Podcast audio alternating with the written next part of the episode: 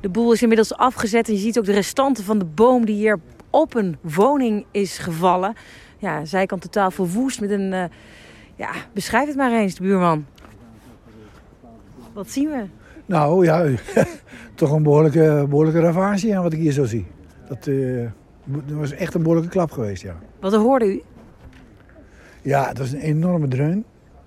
Eh, en eh, ja, ja, wat hoor je dan? Dat is een enorme schrik wat je eigenlijk daarna hebt. Heel, heel apart. Eerst allemaal adrenaline dat je eerst gaat kijken wat er allemaal aan de hand is.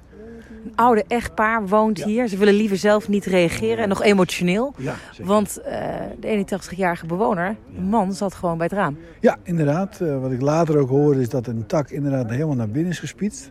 En vlakbij zijn stoel echt helemaal eh, tot, stilte, tot stilstand is gekomen. Ja. Zo kun je het eigenlijk stellen.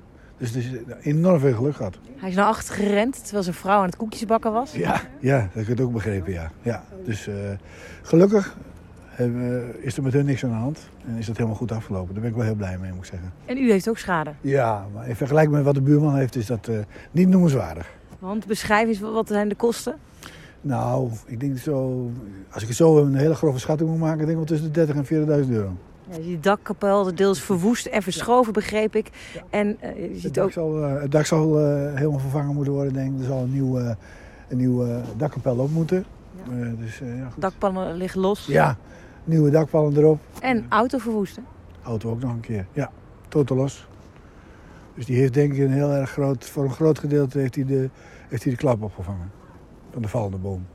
Maar gelukkig dus geen gewonden. Nee, dat is niet wel een pluspunt. Daar mogen we dankbaar voor zijn.